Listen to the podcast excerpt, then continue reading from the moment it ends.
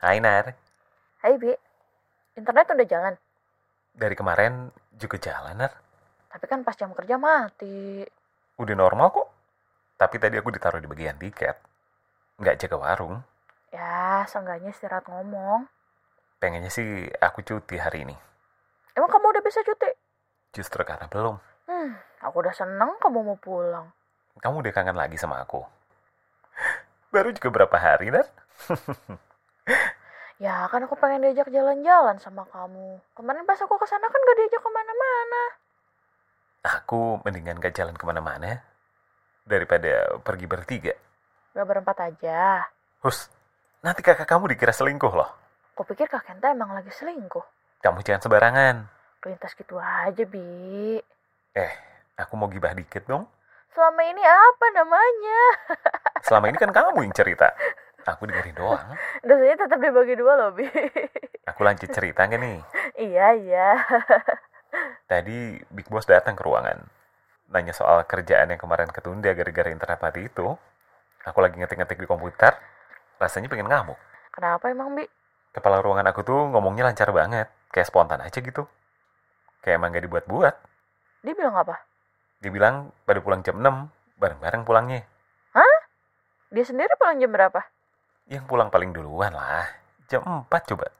Hmm, dia nggak bilang ya dia pulang duluan. Mana ada?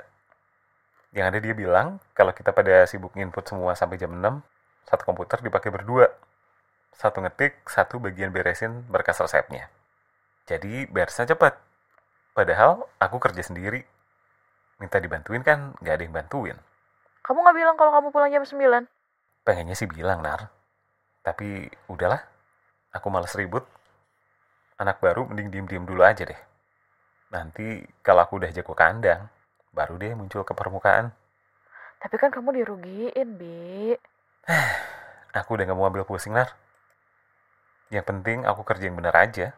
Orang mau kerja kayak gimana, biarin aja deh. Terus dia bilang apa lagi? Dia bilang kerjaan lancar-lancar aja. Gak ada masalah. Alasannya, karena dulu juga manual. Dia nge-skip bagian tanganku udah mau copot karena capek nulis mulu. Dia sendiri nggak nulis? Enggak. Kerjaan dia kayaknya paling enak. Kamu tahu nggak? Nggak tahu.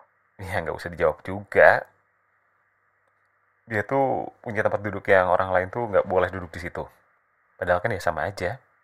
Dia itu seolah ngeklaim kursi itu. Dan itu juga tandanya dia nggak akan beranjak dari sana.